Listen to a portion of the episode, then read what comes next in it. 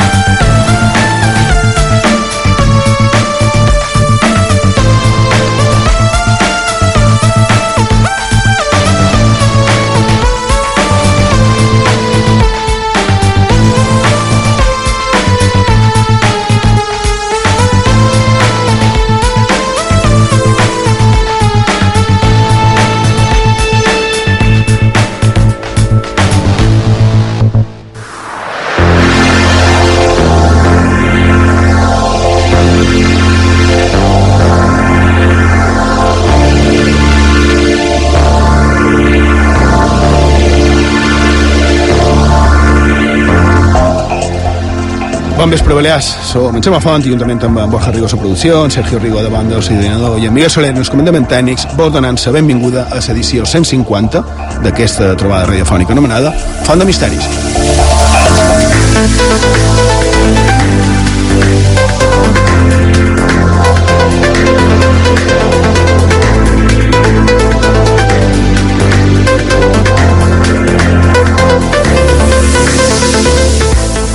I d'una setmana més, moltes gràcies per seguir a, a Saltre, a Saltre i en aquest costat. I bé, i gràcies de tot cor per fer avui, en números redons, haver fet ja realitat el que és el programa 150 de, de Font de Misteris. 150 programes on mirem de tractar d'aprofundir en, en tot allò que altres no, no toquen, o si toquen aquest tema solen fer-ho d'una altra manera. No? On aprofundim dins tot allò més misteriós, més enigmàtic i, i també desconegut de, de la nostra terra. I ja que estem en números, eh, afegir que agraïm totes i cadascuna de les interactuacions que teniu amb aquest programa, perquè la veritat és que aborrona. Més de 1.560 seguidors només a, a Facebook, de 8.000 descàrregues directes a iVox. I tot això, això me sorprèn molt, des de com a mínim, perquè en la xarxa tot això se pot saber com a mínim des de 44 països diferents. Bé, que això, que són 5 temporades, 150 programes d'agraïment continu i també de felicitat de poder donar difusió a, a tot això que ens apassiona. És així, no, Borja? Podem discutir certes coses, però estic convençut que amb això que acabo de dir coincidiràs en jo. Bon vespre, evidentment he de, he de coincidir. Podem discutir, per exemple, amb el que passava just ahir, amb el buit de la seu, no? que ho deixarem per més endavant, ha sortit publicat un llibre, eh, parlarem més endavant, no tornarem, va quedar va quedar molt bé, va quedar l'espectacle se va complir, és cert però... però sí que, sí que és vera que, que lo, lo que podem fer és simplement estar agraïts molt agraïts de, de que ens permetin fer aquesta feina de la introducció a la gent i de... I de la resposta. I de la resposta, efectivament. I de la resposta. Supos, Sergio, bon vespre. Bon vespre, Xema. Supos que tu també estiràs d'acord. Estic d'acord amb tot el que heu dit i molt contents d'estar aquí, 150 programes després. Una altra coseta, que no sé si la varen comentar o no, perquè un ja no sap el que ha dit, el que no ha dit. Mm, fa d'haver una setmana i mitja, els companys informatius, quan feien eh, d'informatiu migdia de televisió, d'IV3 Televisió, quan feien estens en directe, i solen emetre en directe des de qualque punt de les nostres illes, i en aquest cas va ser des d'esport de la Sabina. I sense donar-se'n, era directe, ja ho he dit, va passar de qualque manera bé, gairebé imperceptible, imperceptible, però va passar per la pantalla qualque cosa que va deixar una, una estela. Podríem dir que era una direcció cap a dalt, de més 45 graus, i va deixar com un estel de fum blanc.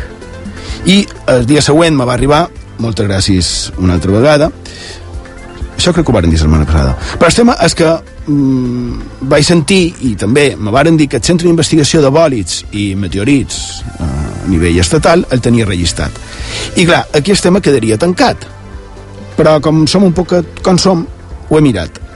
I des dia 27 d'octubre, que és el dia que, que va passar, n'hi ha un, a les 5.41 de Sora Baixa, dues hores manco, perquè era l'horari d'estiu, de, per saber que, uh, quina era l'hora local, no? que eren les 3.41, que és més o manco la mateixa hora, un minut més tard potser. Però el més curiós és que la seva pàgina web on estan els bòlids i altres objectes semblants no posa que hagi estat vist a les Balears, i això que va ser televisat en directe. No deixa de ser curiós.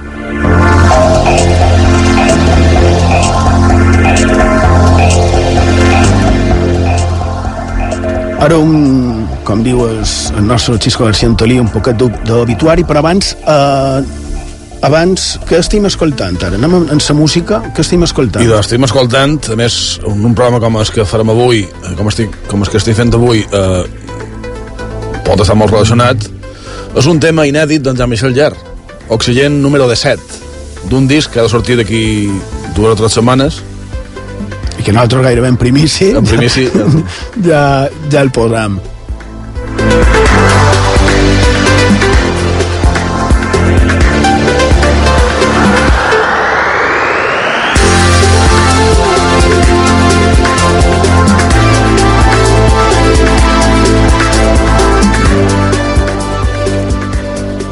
I després, com dèiem, el tema d'obituari, eh, tots els mitjans també ho han, ho han comentat perquè ahir va morir en Leonard Cohen eh, el cantautor que bé mm, tan influent, no? tan, tan és així que fins i tot hi ha un, un semblant d'ell que li han donat un, un Nobel de, de literatura, per tant eh, és important la tasca que va fer i nosaltres també volíem fer-li una mica d'homenatge molt breu i per això a Font de Misteris escoltarem això.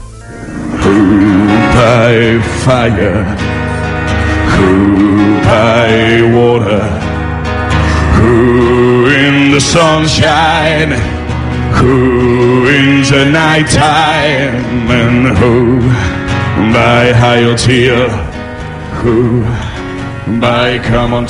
Una cançó composta per Leonard Cohen però no interpretada per ell, per variar una mica respecte al que fan els altres, perquè feim el programa 150 i mos, i mos ha semblat simpàtic en en Sergio i jo fer això. Borja, tu que t'encarregues de les músiques, en aquest cas no era aquesta la que tu havies triada, no, era, era una altra prescuda.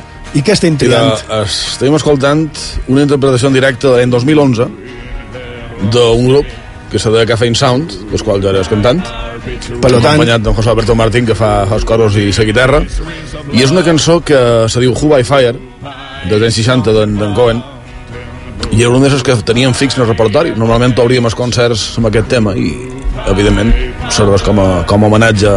Oh, I on queda palès la importància, també, per nosaltres, de Leonard Cohen. Just say is coming podríem anar fent sumari. No ho fas malament, eh? Tot sigui dit de pas. No, no m'ho puc negar el que dius, tampoc. Així m'agrada. Uh, podríem fer una miqueta de, de sumari, si t'assembla, i començarem. I en aquest programa 150 de Font de Misteris, el tema principal està molt relacionat amb els bòlits, o no? Avui xerrem d'expedients desclassificats. Quins són els documents que ha desclassificat el Ministeri de Defensa? Què hi ha en aquests documents? Ens amaguen informació? Quin casos hi ha referits a les Balears? A la darrera part del programa repassaran l'actualitat de la setmana a món diversos i llegirem els missatges que em fan arribar els oients a les xarxes socials del programa. Que ja que ets, podries anar dient com poden contactar amb nosaltres, com poden interactuar i també mm, si voleu fer qualque comentari damunt del tema d'avui, que ha estat una miqueta també fins i tot polèmic, I ja sabeu, des d'aquest moment us podeu enviar els vostres missatges, comentaris i suggerències a les xarxes socials del programa. En primer lloc, ens podeu trobar a Facebook i Twitter cercant Font de Misteris. També ens podeu enviar els vostres comentaris al WhatsApp del programa 659 16 69 52. Ho repetim, 659 16 69 52. Per acabar, també ens podeu enviar un correu electrònic fontdemisteris arroba ivetresradio.com i seguir el nostre programa a Instagram, l'usuari és Font de Misteris i Vetres.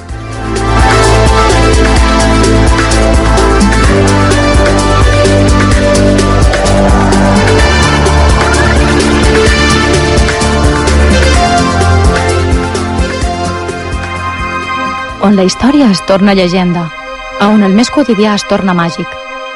Acompanya'ns a la nostra font de misteris a IB3 Ràdio.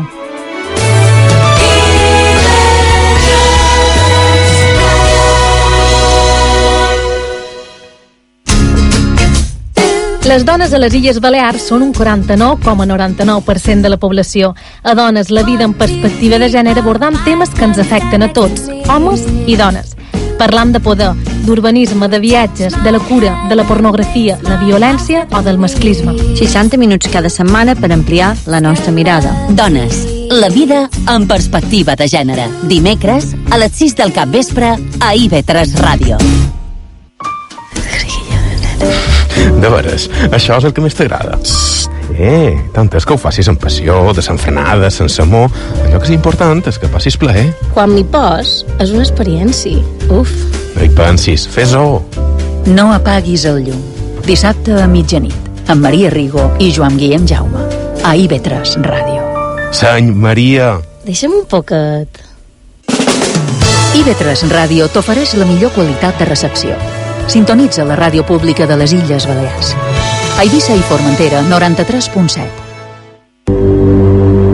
Misteris i llegendes a Font de Misteris, amb Xema Font.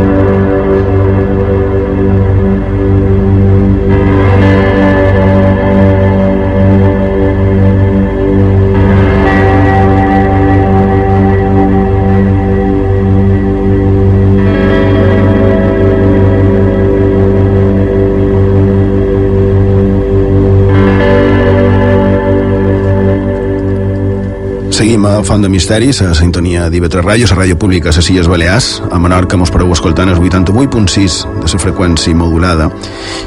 I bé, com ha avançat en, en Sergio a, en el sumari, aquestes dues darreres setmanes s'ha parlat molt del fenomen ovni.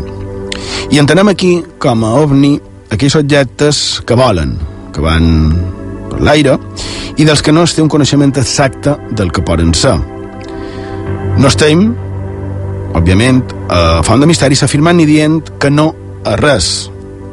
I tampoc estem fent referència a extraterrestres que, que ens visiten, ni que venen a la Terra naus d'altres dimensions, ni persones del futur, i tampoc asseguram ni negam, com tot l'altre, que siguin prototips d'exèrcits, ja siguin nostres o d'altres estats, ni res semblants. Fent referència a ovnis amb el que aquest acròstic vol dir, és a dir, objectes voladors no identificats.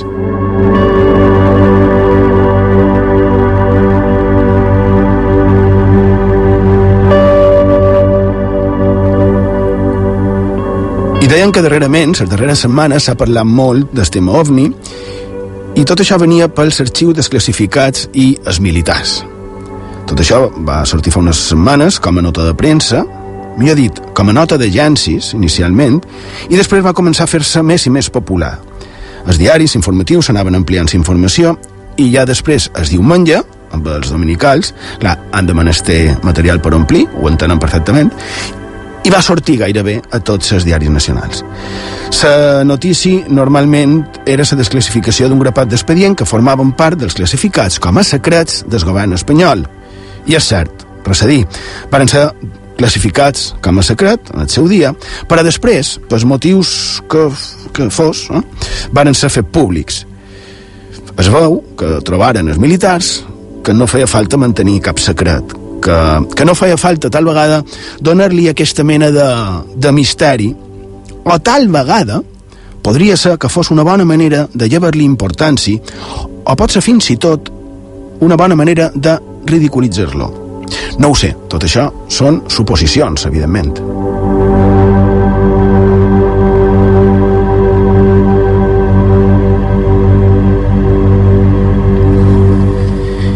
I de totes maneres ens ha sorprès molt que hi hagut premsa que deu dies després encara parla de desclassificats que diu que s'havien fet públics per primera vegada i, i frases semblants i més que res perquè en els propis documents figura que varen ser fet públics a més duen ben clara en les lleis eh, d'aquest que se posen de, de goma en tinta a damunt, eh? i de posa ben clara la data de quan varen ser posat a l'abast de qui volgués consultar-los allà ho posa i si tiram d'arxius veurem que és així veurem que en contra del que han dit qualque mitjà, és igual qui, qui sigui, no és qüestió de criticar, però com a mostra del que deien, com a cosa certa de que aquests papers estaven desclassificats des de fa temps, podem, per exemple, tornar a escoltar el que varen dir aquí mateix, fa més d'un any, en el programa 101 de Font de Misteris, on comentàrem un fets per semblança amb uns altres que varen succeir eh, a les nostres illes i parlàrem d'un cas semblant. No? I per documentar-ho, el que vàrem fer entre, entre d'altres fonts que vàrem consultar, en aquest cas, els que vàrem anar en els desclassificats de l'exèrcit. Bé, de fet, així va ser com ho vàrem dir. Ja mai supos que et sabrà que va ser allò que vàrem veure, però el que sí és segur és que l'any 1995 el cap d'estar major de l'exèrcit de l'aire va autoritzar la seva des desclassificació. 16 anys després dels fets, perquè clar, a veure, la secció d'intel·ligència de l'estat major del Mando Operativo Aéreo ho va classificar com a secret baix el títol de avistamiento de fenómenos extraños. I ara, aquí, cadascú digui o pensi el que trobi. Perquè si aquesta història, història real i documentada, independentment del que hagi provocat aquests ecos en el radar i aquestes visions, del que puguin ser aquests llums o estranys punts, no?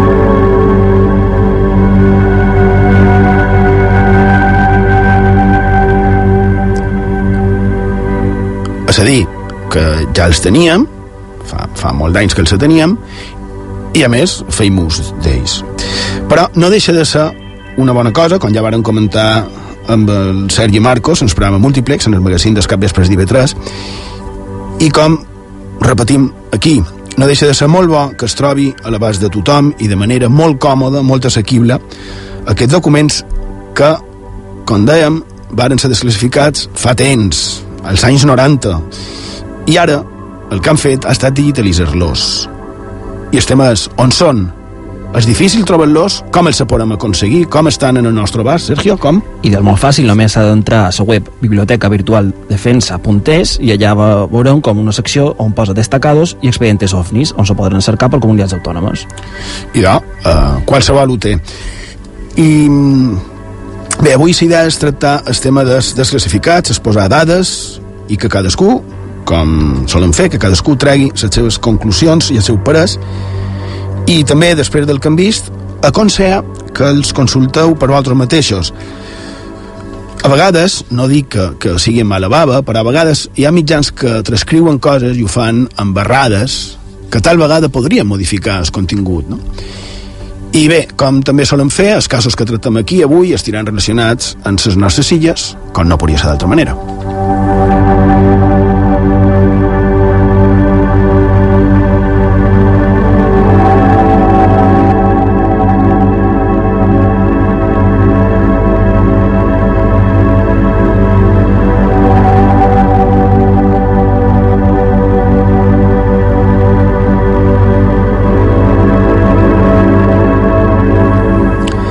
I ja que hem parlat de mitjans de comunicació, un dels desclassificats fa menció precisament a casos OVNI en general que, que varen tenir anys 90 certa repercussió. Parlam d'un article que el professor Darbó, és de Catalunya Misteriosa, un dels pioners a Espanya del món del misteri, l'ha citat qualque vegada, que precisament aquest feia que més d'un vespre d'aquells anys, també pels anys 90, m'anava jo personalment en qualcú més a la Serra Nord, de Mallorca, per d'haver Banyarbufar, per d'haver la Torre de les Ànimes, per d'haver Som Marroig, o per l'organització Chopin, allà, per la serra, a tractar d'agafar la seva freqüència no? a la ràdio i així per escoltar, emitint des de, des de la península el seu programa, quin tens. Això tu no ho has viscut, Sergio Rigo. No, no ho he viscut, no. Això no ho has viscut. A més, ara amb internet simplement cercau, posau, molt baixam el podcast i, ja ho tenim tot a l'abast. No? Exacte. En Borja encara sí. En Borja encara ho ha... Sí, però no, no he anat mai a escoltar en Darbó a les Torres de Ànimes. Eres un nin encara. Jo era, jo era un jovenot, tu eres un nin. Bé, i de ell, el seu programa, com deia, era, era d'espioners, i a més també feia col·laboracions a premsa escrita, també a revistes, i en aquest cas, en Sebastià Darbó, el professor Darbó, com li agrada autonomenar-se, va publicar a la revista Año Cero, any 1992, un article titulat ¿Qué está pasando en la zona de Baleares? Misterios del Triángulo del Silencio, on es feia ressò de les anomalies que es presentarien a un triangle que, segons ell, estaria format per una recta que aniria entre el delta de l'Ebre cap a Dènia i d'allà es tancaria si féssim un triangle, una extensió, cap a l'est de les Balears, cap a l'est, en aquest cas, quedaria a l'est de Mallorca, deixant fora Menorca. Eh? Dit això com a anècdota. Comprendria 30.000 quilòmetres quadrats i fins aquí res a dir. Uh, cercles on es tracten aquests temes es comenta i de, que hi ha una superfície de 30.000 quilòmetres on passarien coses estranyes, com per exemple massa accidents, d'avions, de, de vaixells, coloms missatgers que desapareixen, llums que persegueixen avions, desaparicions fins i tot d'embarcacions i de persones. Supos que heu sentit parlar qualque vegada d'això, i com no podria ser tampoc d'altra manera, hi ha qui ho compara amb els triangles les Bermudes.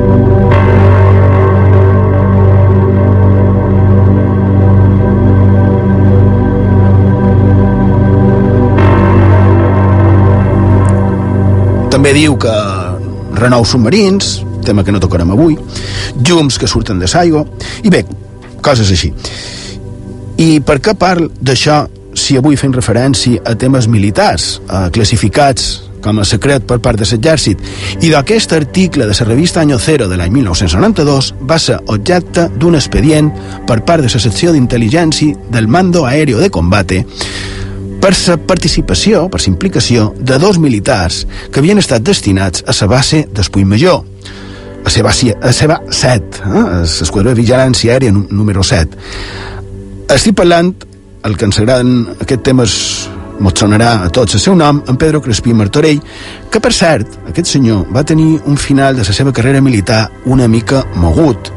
Va ser jutjat per mort d'un assumpte una mica brut relacionat amb el contrabando tenim aquí en, amb aquest expedient que s'ajunta una mica tot mm, es diu que ell jo personalment no el vaig conèixer i no puc ni vull opinar, però diuen que ell atribuïa aquestes acusacions a una mena de persecució contra ell.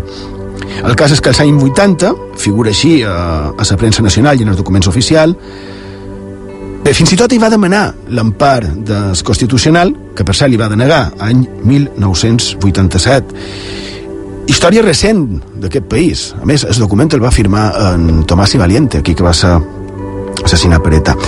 Bé, i d'aquest expedient de l'any 1992 només en cita que, que en aquest article hi ha declaracions d'en Crespí i d'en José Luis de los Riscos, deixant clar que mai varen tenir el comandament. Diu clarament, el exteniente coronel Crespí nunca fue jefe del citado EVA. Y afegeix, asimismo el comandante de los Riscos estaba destinado de brigada y subteniente por aquellas fechas.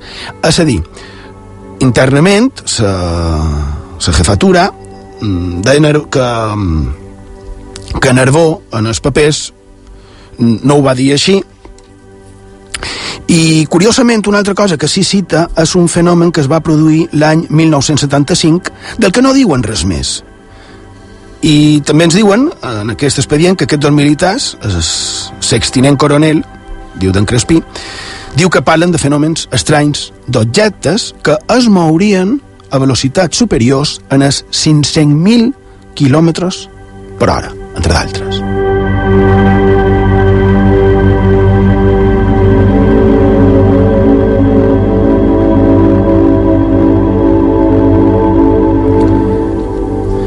Entenc que l'exèrcit va interessar-se per si tal vegada aquest escrit, molt interessant, per cert, no és que, mos agraden aquestes coses, un escrit del, professor d'Arbó de l'any 92, és fantàstic, de la revista Año Cero.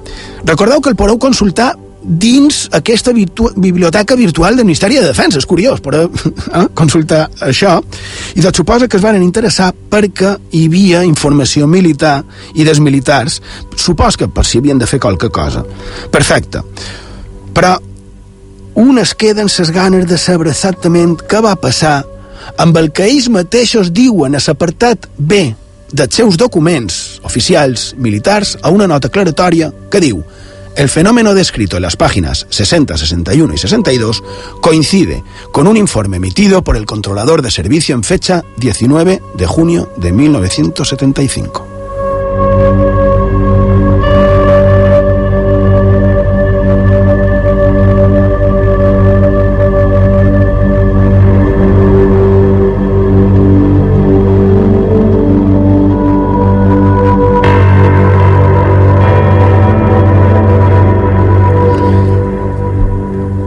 Una nota a una altra banda del mateix expedient, diu En la citada nota aclaratoria se apunta la existencia de un informe emitido por el controlador de servicio en fecha 19 de junio de 1975 referente al fenómeno descrito en las páginas 60, 61 y 62.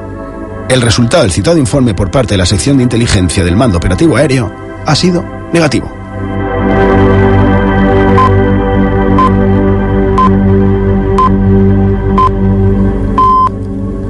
Jo amb això que posa aquest expedient entenc que sembla que tenien un informe i no l'han trobat. És a dir, que no han desclassificat tot el que tenien perquè han perdut o podria ser que haguessin perdut, entre cometes, eh, papers. Però, en canvi, desclassifiquen aquest que l'únic que diu és que s'ha vist això a una revista.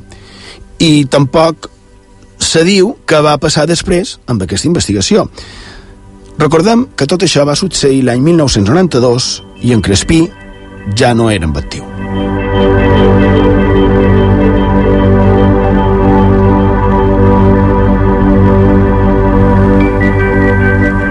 En resum, damunt d'aquest expedient, queda clar que en aquest cas, encara que s'hagi desclassificat, podria donar per molt.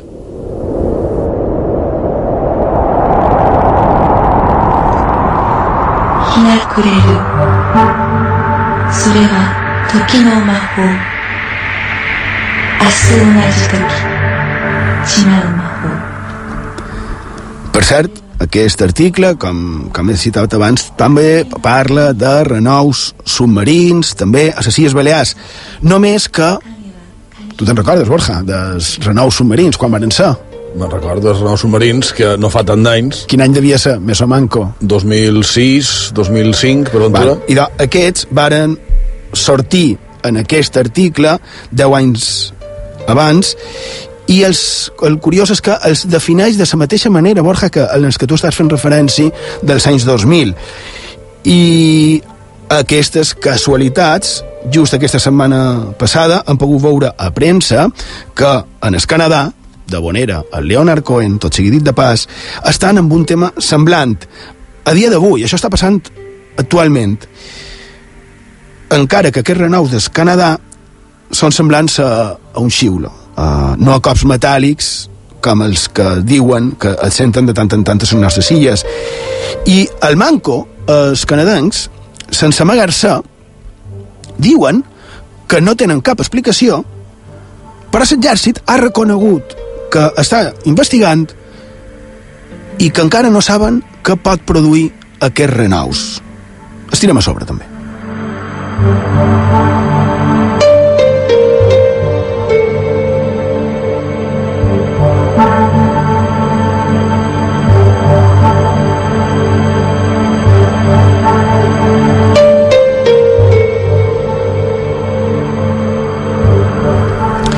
aquests expedients dels que feim comentaris avui, que ara estan així polidats i escanetjats en, en més qualitats, amb el seu, amb el seu logo oficial i les dades, no aquesta entre cometes, corrinada que tenien nosaltres, que eren còpia de còpia de còpia. Còpia de còpia, que no sabia gaire clar, hi havia Exacte. pàgines que eren indesxifrables. Sí, perquè igual que en aquestes hi ha coses que estan mitges borrades perquè són velles, són antigues i això, el que nosaltres teníem eren, una, eren un poc una... Ah, són expedients que se poden imprimir, se pots conservar ben conservadors, enquadernats, i, Ah, i ens poden sí. mostrar. Exacte, sí. Que se poden mostrar. Són molt polits, eh? com, sí. com diríem. I de, aquests expedients sempre responen a, a un model, hi ha una portada a on diu es, el nombre de l'expedient, on ha succeït, i sa, i sa data. I eh, la capçalera posa Mando Operativo Aéreo, Estado Mayor, Sección de Inteligencia. Després se fa un resum del que seria l'expedient i més endavant la relació de documents i la documentació. eh? Bé, més o manco són sempre iguals. Uh, veurem un altre, un, un cas tipus, eh? vinculat en les nostres illes, també, clar. En aquest cas de Menorca.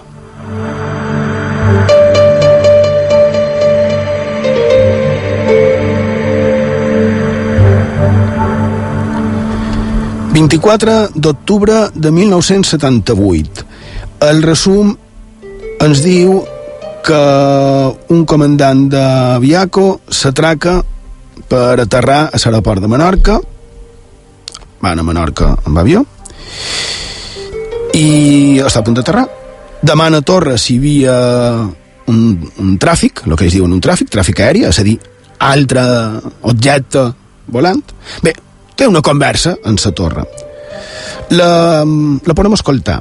És una, una recreació fidel, punt per coma, del que està transcrit en aquest expedient. És una conversa que es va produir entre un avió comercial de la companyia Aviaco, la torre de control de Menorca i la torre de control de Palma. A la vista. Vale. Menorca Alfa Oscar 203, por favor, ¿tiene algún tráfico reportable cerca del aeropuerto? Negativo. Entiendo que negativo. Negativo, no hay tráfico notificado.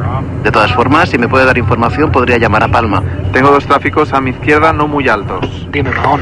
Oye, ¿tenéis tráfico vosotros cerca del aeropuerto? No, no tenemos nada. Es que Alfa Oscar 203 me acaba de notificar en aproximación larga final, cerca de Menorca, que tiene dos tráficos a la vista y no puede ser. ¿Dos tráficos a la vista? Y cerca, y muy cerca de él, en la zona de aproximación al... Oye, no, no sabemos nada. Vale. Oye, dile que te diga tipo. ¿Eh? Que te diga tipo, lo que sea. Está más oscura la noche. Alfa Oscar 203 Menorca. Adelante. Acabo de consultar con Palma y ellos tampoco tienen ningún tráfico notificado en esta zona. Muchas gracias. Veo dos tráficos a nivel muy bajo, a velocidad tipo. Nuestro avión al norte de la isla, unas 15 millas al norte nuestro. De acuerdo, muchas gracias. Tendremos conocimiento de esto. Alfa Oscar 203. ¿Me llamaba? Repita. Entiendo que me está llamando, ¿correcto? Sí, ¿podría darme información de la dirección de esos objetos? Sí, era paralelo a la aproximación de la pista 01, o sea, aproximadamente un poco norte, 30 grados máximo, y la posición debía ser muy próximo al norte de la isla, a una altura por debajo de los mil pies, estimativo.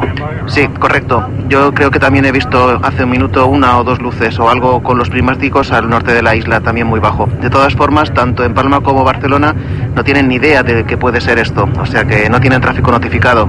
Bueno, gracias, a ver si lo logramos ver otra vez. Yo seguiré indagando a ver qué pasa. Vale, fenómeno, a ver si es que es un ovni o dos como mínimo.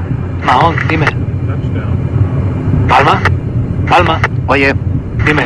Oye, llamad a Barcelona, porque esos objetos o lo que sea, por lo visto, estaban a 15 millas al norte de la isla a nivel muy bajo y esto igual tienen ellos información de algo, porque o son dos aviones o son dos ovnis. O son dos ovnis. Claro, yo he visto hace un momento algo. ¿A qué nivel más o menos? Dale 2000 pies por ahí, la velocidad de un DC-9. Bien, ¿qué quieres? ¿Te mata Barcelona? A ver si saben algo de esto. Sí, mira, a ver, porque aquí me está llamando todo el mundo a ver qué pasa, ¿no? Y no puede ser. Sí, sí, ahora voy a llamar. Hasta ahora. Dime. Oye. Sí. Tú me dijiste a 2000, ¿no? Sí, o por ahí. Pues dice que imposible. En fin, es ridículo, ¿no? Ahora mismo lo estoy viendo yo con los prismáticos. Pues lo estás viendo tú, no sabe nada. A esta altitud comprenderás. No, sí, claro, sí. Yo era por si acaso era militar o un portaaviones o algo parecido, ¿entiendes? Sí, no saben nada, no saben nada, ¿eh? Gracias. De nada.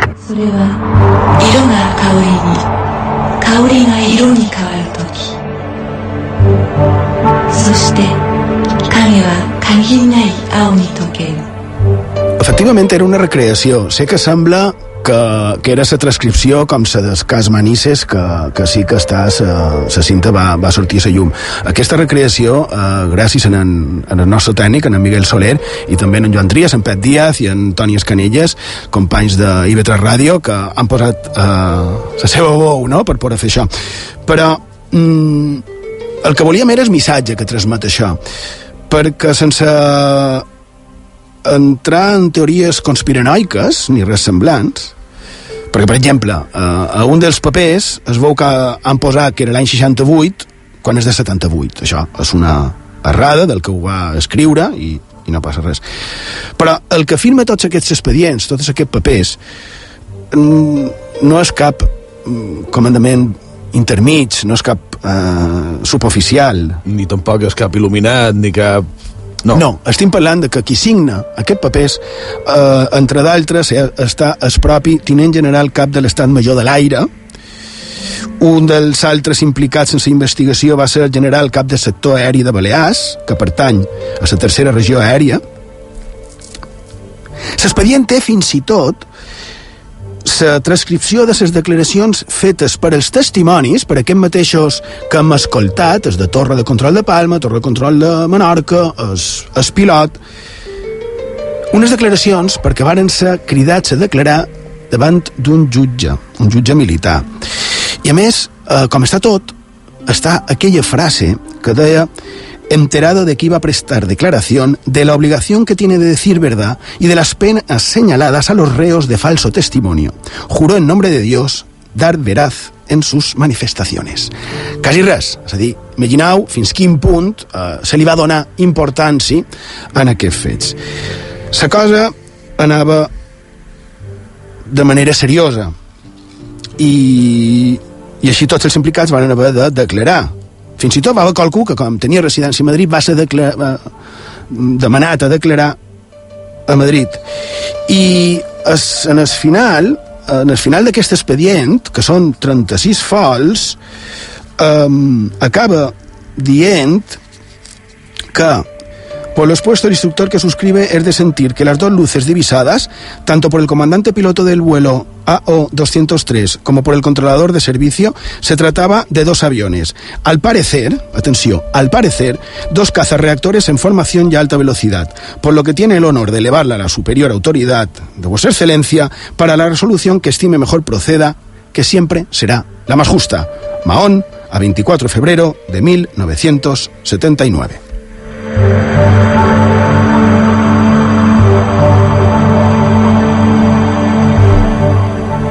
Quatre mesos després, 36 fols d'expedient demanant, cridant, que pot ser, que no pot ser, dos, dos avions, poden ser dos avions, perfecte. És probable que fossin avions.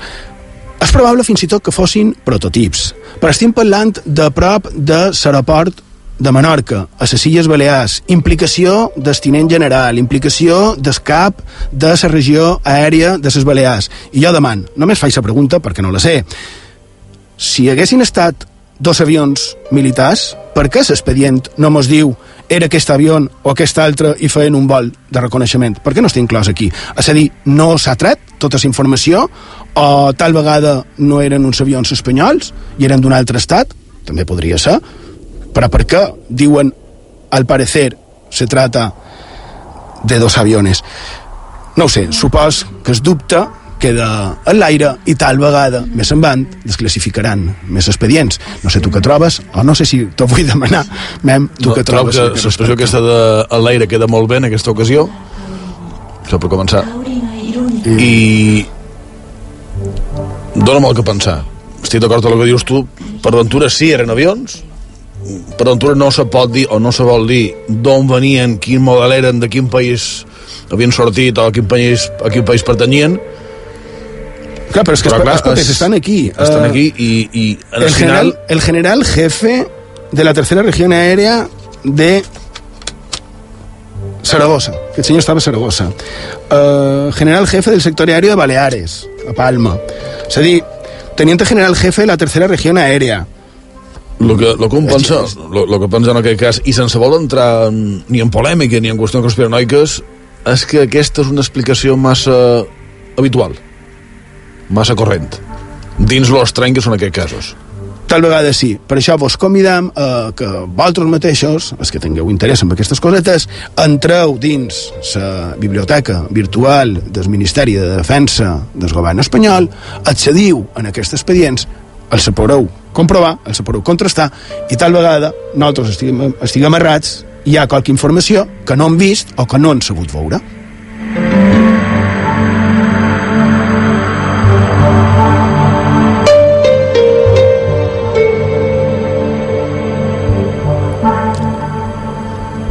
Feim una petita pausa, contestam un parell de missatges i tot d'una continuam aquí a Font de Misteris, a IB3 Ràdio, a la Ràdio Pública de Illes Balears. A IB3 Ràdio, Font de Misteris, amb Xema Font.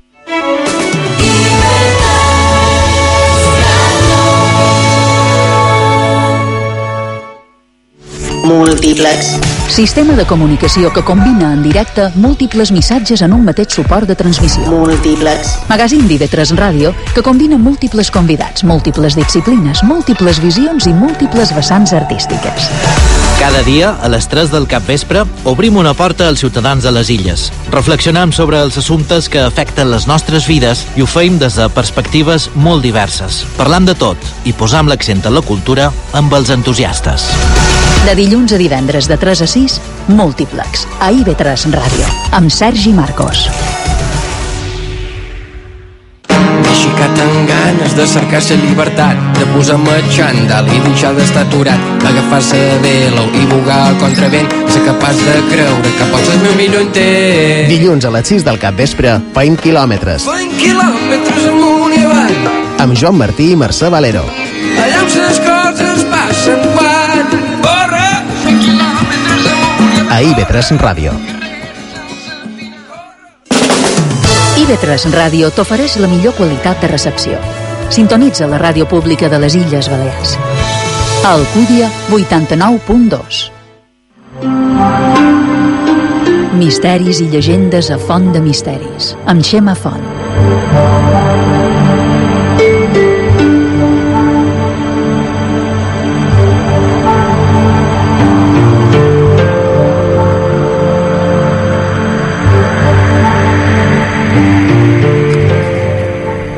Seguim a Font de Misteris, a la sintonia d'IV3 Ràdio. A les pitiuses mos podeu escoltar en el 93.7 de la freqüència modulada. I bé, ja queda manco temps i no crec que mos dongui per, per seguir. Ara miràvem el missatge, bé, després si un cas a xarxes ho comenta Sergio, però bé, uh, m'agrada perquè sembla que, que, que, que interessa i que, i que agrada. Tenim molt d'expedients. Havíem de comentar, volíem comentar un parell de detalls més desconeguts del famós cas Manises, famós pues, que agraden aquest temes, evidentment.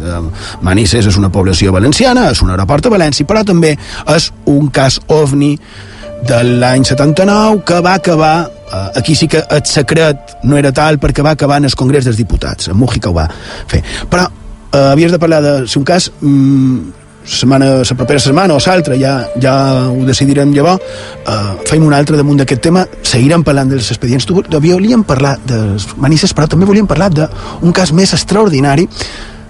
Veus que entren dins unes converses veus veus impossibles, fins i tot podríem dir, Borja.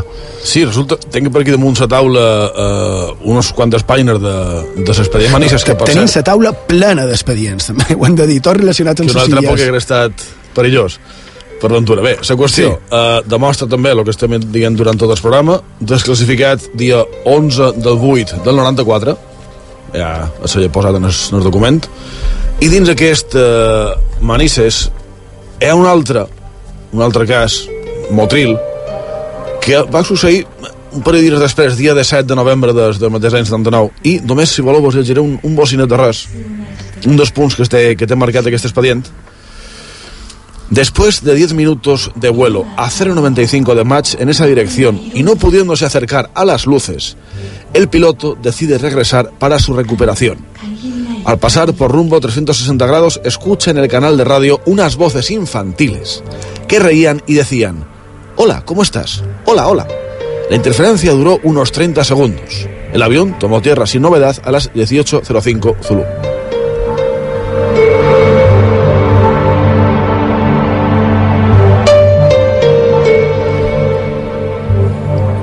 Curiosament, ara no ho podem fer perquè estic en directe i seria molt complicat, jo quan estaves dient això, en aquesta música hi havia veus infantils. En, en Vangelis ho tenia preparat. Tal vegada, sí, en Vangelis ho sabia, tal vegada no sigui només una simple coincidència.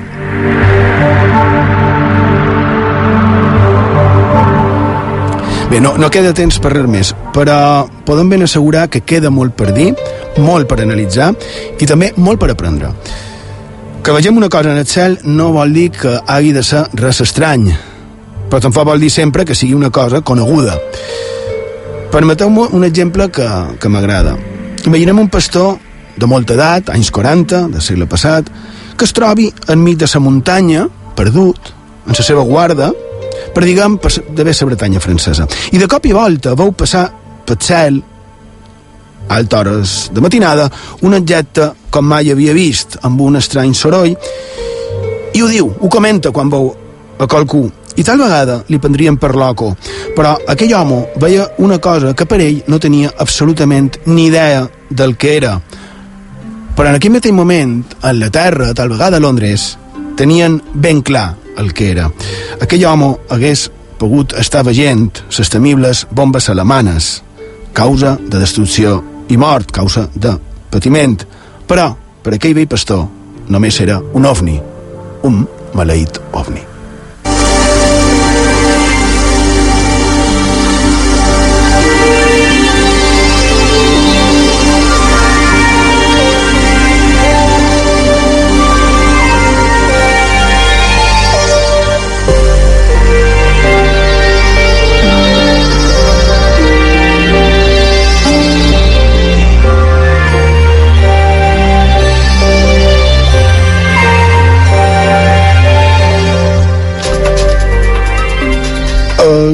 Sergio, podríem comentar aquesta de dilluns, perquè si no se mos passarà, ja no la podrem comentar i me fa, me fa gola comentar-la.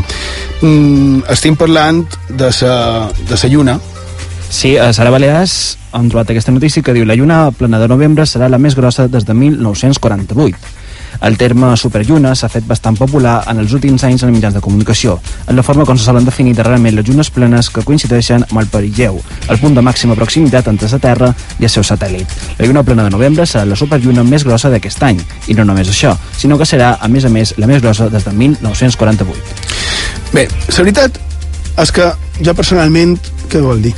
Uh, lluna del 48, que per cert, aquest aquest pastor dels qual fa referència aquest hipotètic pastor hagués pogut veure dit sigui de, de passada Podria ser, però ell probablement sí sabia el que estava en aquest cas veient, no? perquè la, la pagesia arreu del món són els que més coneixen aquestes coses. No?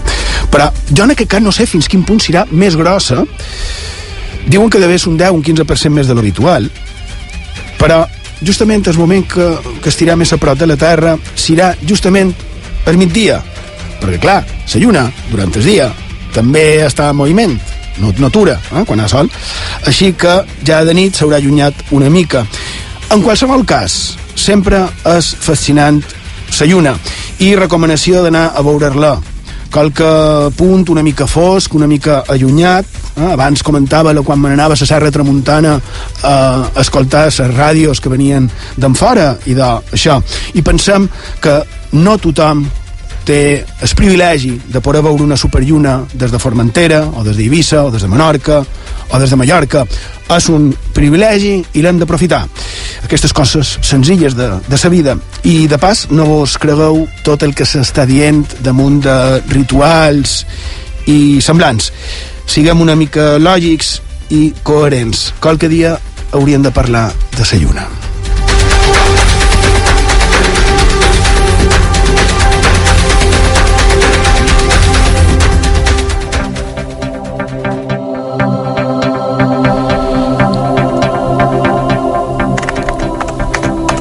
I bé, res, eh, no es dona més que temps per donar les formes de contacte i si tens qualque missatge per aquí damunt eh, que el tinguis apartat eh, i si no, la setmana que ve. Bé, ens han dit que el tema d'avui està molt interessant i que podríem seguir la setmana que ve. I de... Vos sembla si ho fem directe la setmana si ja ho havíem pensat i m'ho ho confirmen els oients, no per I de... Au, la setmana que ve eh, feim més expedients desclassificar, més suposats casos ovnis estranys a les nostres illes. Com poden contactar amb nosaltres? I ja sabeu, us podeu trobar a Facebook i Twitter cercant Font de Misteris. Es podeu enviar també els vostres missatges en el WhatsApp del programa 659 16 69 52. Ho repetim, 659 16 69 52. En el correu electrònic fontdemisteris arroba ib3radio.com i també podeu escoltar tots els nostres programes a ivox.com o fontdemisteris.com i també es podeu seguir a Instagram cercant Font de Misteris IB3.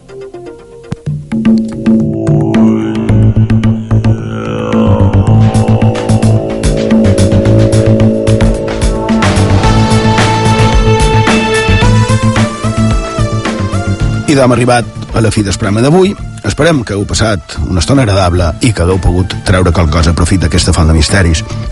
I avui hem parlat d'expedients militars i, per tant, relacionats amb la defensa i la seguretat i que eren secrets suposadament secrets i que haurien sortit a, cap al llum, que varen sortir a la llum fa una vintena d'anys. I mentre els de a peu ens ho creiem.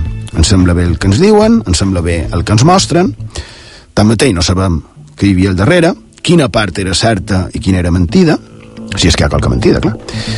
Després els testimonis, quan els ha hagut i s'han conegut, ja hi ha hagut qui s'ha encarregat també de ridiculitzar-los per tal vegada evitar que poguessin tenir credibilitat no? i així en, en desinformacions en notícies que són certes o que no ho són entram a jugar en la desinformació entram a desprestigiar tal vegada els que tenim en el costat, a creure que les nostres veritats són més certes que els, de, els altres. No? Els militars poden haver posat a l'abast el que han trobat oportú. No ho sabem, supos que mai ho sabrem si ho han posat tot. Jo personalment tenc dubtes. Quantes coses, a part de qualcuna que ja han dit aquí, però quantes coses hauran estat esborrades, no?, tal vegada per sempre. Ja se sap, motius de seguretat, amb això se justifiquen moltes coses. De totes maneres, nosaltres hauríem de mirar de seguir ampliant la informació i sa objectius. Quan dic nosaltres me refereix a tots, no només el que tenim la sort de poder estar a qualque mitjan de comunicació, el poder estar davant d'uns micròfons com nosaltres mateixos o poder escriure uns papers. Perquè el que hem de fer tots és treure les nostres pròpies conclusions. Així demostrarem, si ho fem en respecte, que som verdaderament madurs i lliures. No? Darrerament he parlat molt de les informacions falses, de la desinformació, i per tant també de la manipulació que més, en les xarxes, vull recordar que sovint són els mateixos que els hi donem suport. I és curiós, aquest dia s'estan eh, demanant a, a algunes persones que a les xarxes havien donat difusió a coses que ja inicialment, és curiós, aquestes mateixes persones trobaven que eren absurdes, però encara així les compartien. I un pit demanat, és, és per què? Responien, sí, m'estranyava, i doncs si t'estranyava, per què li dones difusió? I clar, després ens sorprenem quan ens prenen el pal, quan ens fan creure que la verge no és teva, no? Per això, avui, a les utopies de gairebé la mitjanit del 17 i 3 aprofitant que els arxius, que la informació és més assequible, que, que, que està al nostre abast, que tenim internet, ens agradaria pensar que tots serem una mica més analítics. Ens agradaria pensar que tots eh, serem més objectius i crítics, que ens implicarem aconseguint així ser més persones i més lliures, i potser evitant que hi hagi qui pugui abusar en tanta facilitat i ja que hem parlat de secrets, han triat una cançó precisament d'aquest grup que ho podria tal vegada resumir. Si preguntan las cosas sencillas, aprendí a responder, y para aquellas cosas prohibidas, ningún maestro encontré. Los secretos, en este mundo raro. Agi Pau, bona nit, gràcies per la vostra companyia i fins la setmana que ve.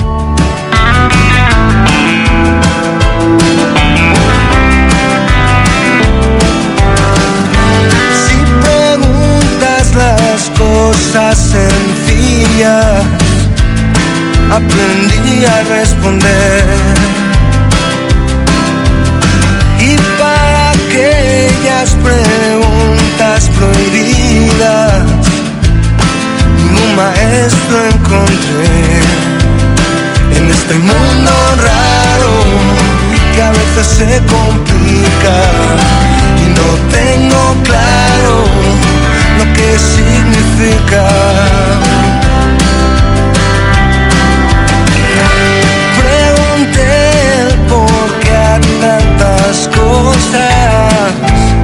Lo que escuché no me gustó. La ignorancia es a veces hermosa, inocente como